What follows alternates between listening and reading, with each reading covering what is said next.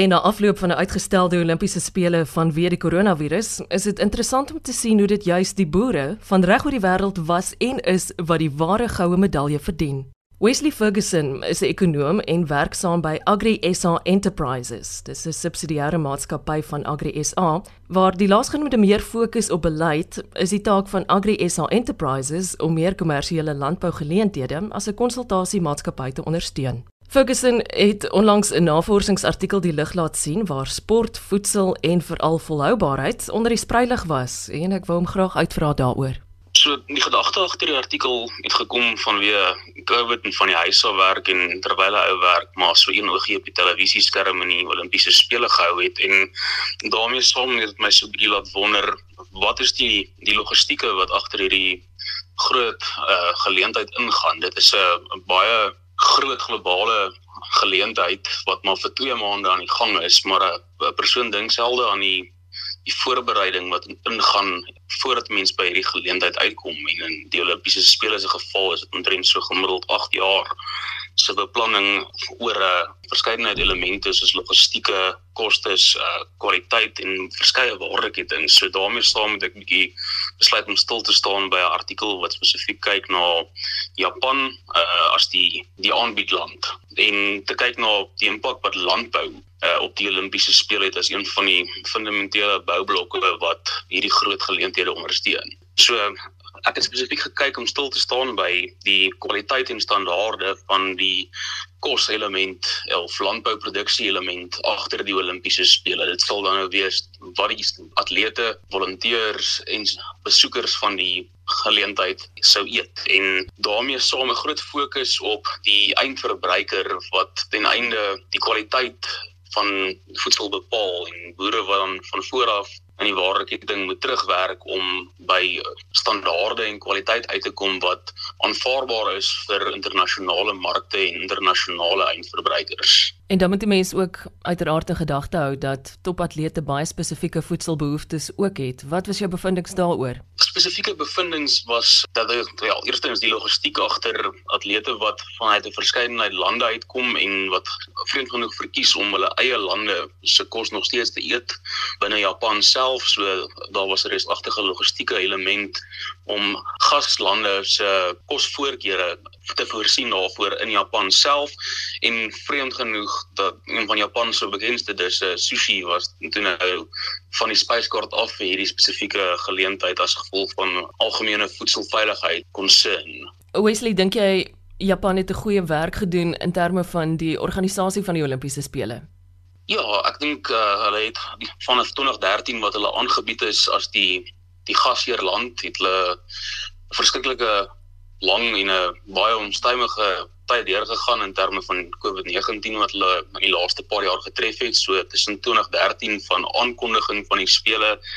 op daai spesifieke stadium moet ek 'n bietjie gaan terugkyk na hoeveel van Japan se boere reg was om voedsel te voorsien teen hierdie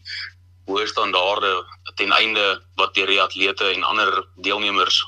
gebruik sou moes word en vanuit die landboukundige kant uit op in 2013 op die aankondiging van Japan as gasheerland so 2 jaar aan was daar omtrent 200 Japaneese boere wat reg was om ten einde die voedselstandaard meetstaaf op te kom. En tussen 2015 en 2021 het hulle fantastiese verbeteringe gedoen om daai standaarde op te gaan. Vanaf local gap na global gap is daar tussen die Asiatiese lande 'n skokkende 300% verhoging gewees binne boere wat kwalifikasiestandaarde se maatstaaf toe opgekom het. En Japan het 'n fantastiese werk gedoen om so groot logistieke geleenthede te koördineer en om hulle boere as produseerders reg te kry vir hierdie groot geleentheid. Wat is local gap en global gap? So local en global gap, die gap gedeelte staan vir in Engels vir good agricultural practices en dit is 'n veiligheids voedselkwaliteitstandaard sertifikasie wat redelike breë raamwerk inpas wat uh, jy verskillende elemente moet nakom en so vinnig van die elemente wat binne die gap checklist hier sulks vasgevang is is elemente soos uh, rekordhouding en inspeksie op jou plaas, uh, higiëne, jou werkers se gesondheid en welstand, die kwaliteit van werk wat deur subkontrakteurs voorsien word, elemente soos besoedeling, bewaring, naspeurbaarheid van jou landbouproduk, dan ook die plantmateriaal wat jy gebruik, hoe jy jou grond bestuur, watter kunsmis en plaagdooders jy gebruik en dan ook jou waterbestuur. So 'n redelike breë net van elemente waarna gekyk moet word om ten einde by 'n GAP sertifikasie uit te kom. En binne die GAP sertifikasie is daar dan ook verskeie trappies wat geklim kan word. Daar is as 'n begin 'n local gap wat dan nou die tuisland se sertifikasiestandaarde is wat ook so drie trappies is wat gebruik word om boere voor te berei om ten einde die lang vraelys te kan beantwoord en stelselmatig tot by 'n global gap sertifikasie ja te kom. So tussen local en global gap sien ons dat dit omtrent so vir Japan het dit omtrent so 8 jaar van hulle boere geneem En in Suid-Afrika waar ons ook nou begin stil staan en ons boere op hierdie tipe van kwaliteit basis begin meet, het ons as verwysingspunt so tussen 2016 en 2019 'n redelike groot hoeveelheid boere deur die local gap proses gekry en begin hulle nou om te voldoen aan die global gap vereistes. Wat is uniek omtrent landbou in Japan? Die maklikste manier vir my om dit vas te vang is maar net om so 'n bietjie na landbou in terme van hulle statistiese syfers te kyk. So as ons kyk na Japan in terme van hulle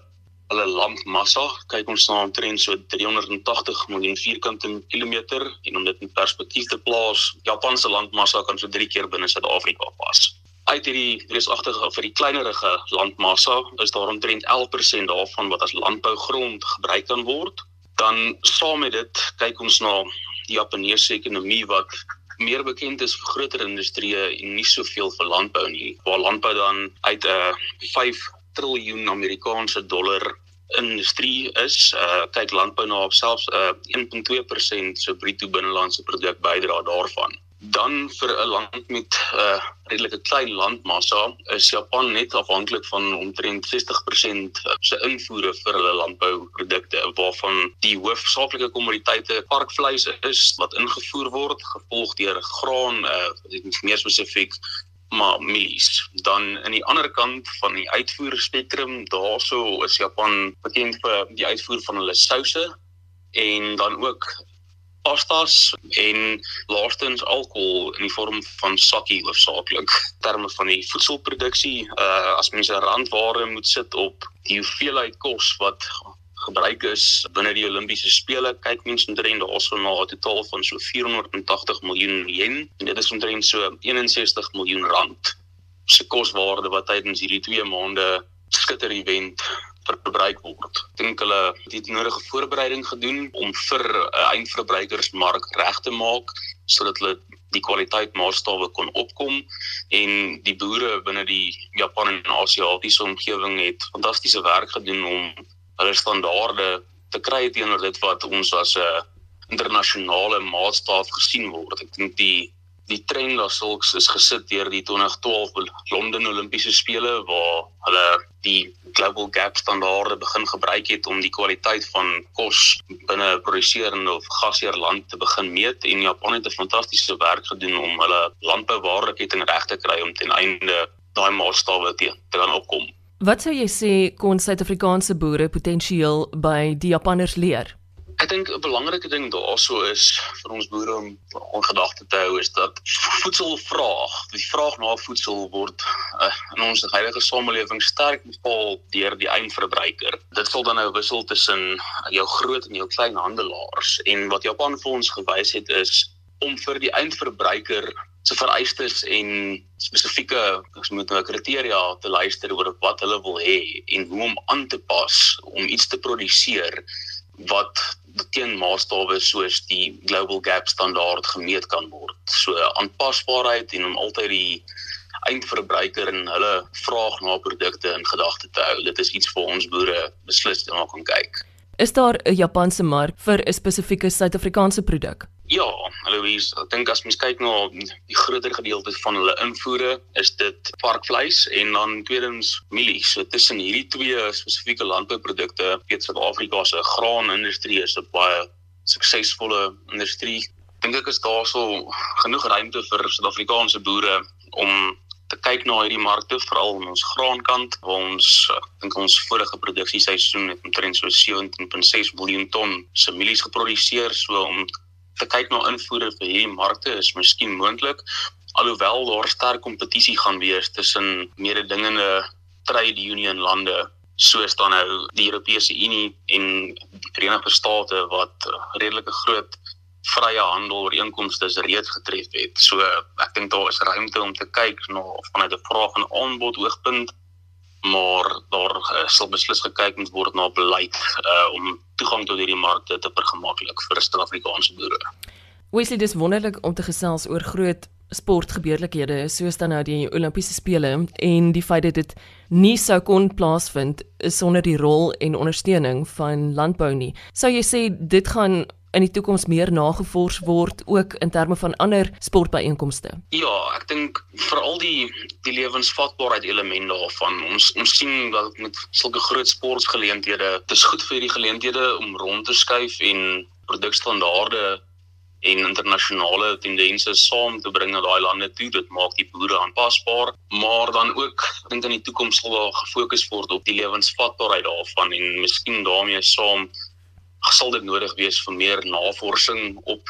die landbouindustrie en die impak op groot sportgeleenthede en dan miskien met 'n spesifieke fokus om te kyk hoe ons boere kwaliteit maatstawwe kan meekom en ook dan die organiseerders van hierdie sportgeleenthede die hulle ten einde die voedselverliese wat soms gepaard gaan met sulke geleenthede kan verminder om dan die lewensvatbaarheid daarvan te ondersteun. En om daarbey aan te sluit, dink ek dis belangrik ook om te onthou dat daar soveel wonderlike en interessante geleenthede binne landbounavorsing is vir jong mense. En jy is 26 jaar oud en jy het hierdie baie interessante artikel geskryf oor die impak van landbou op die onlangse Olimpiese spele. Ek dink dis 'n inspirasie vir ander jong persone om ook 'n loopbaan in landbou te volg. Dankie Louise. Ek dink daar's beslis baie geleenthede vir jonger mense binne die Suid-Afrikaanse landbouindustrie. Dit is 'n industrie wat verskriklik divers is. Ons dink soms net aan boere en boerderye binne landbou, maar die sektor is so wyd gestrek tussen logistieke elemente,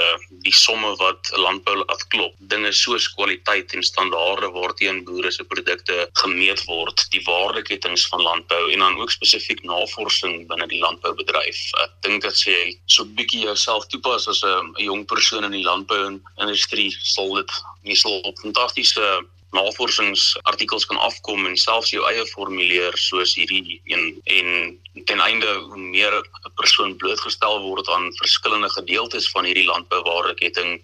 hoe meer geleenthede sien 'n mens raak wat dan van toepassing is op werksgeleenthede ook.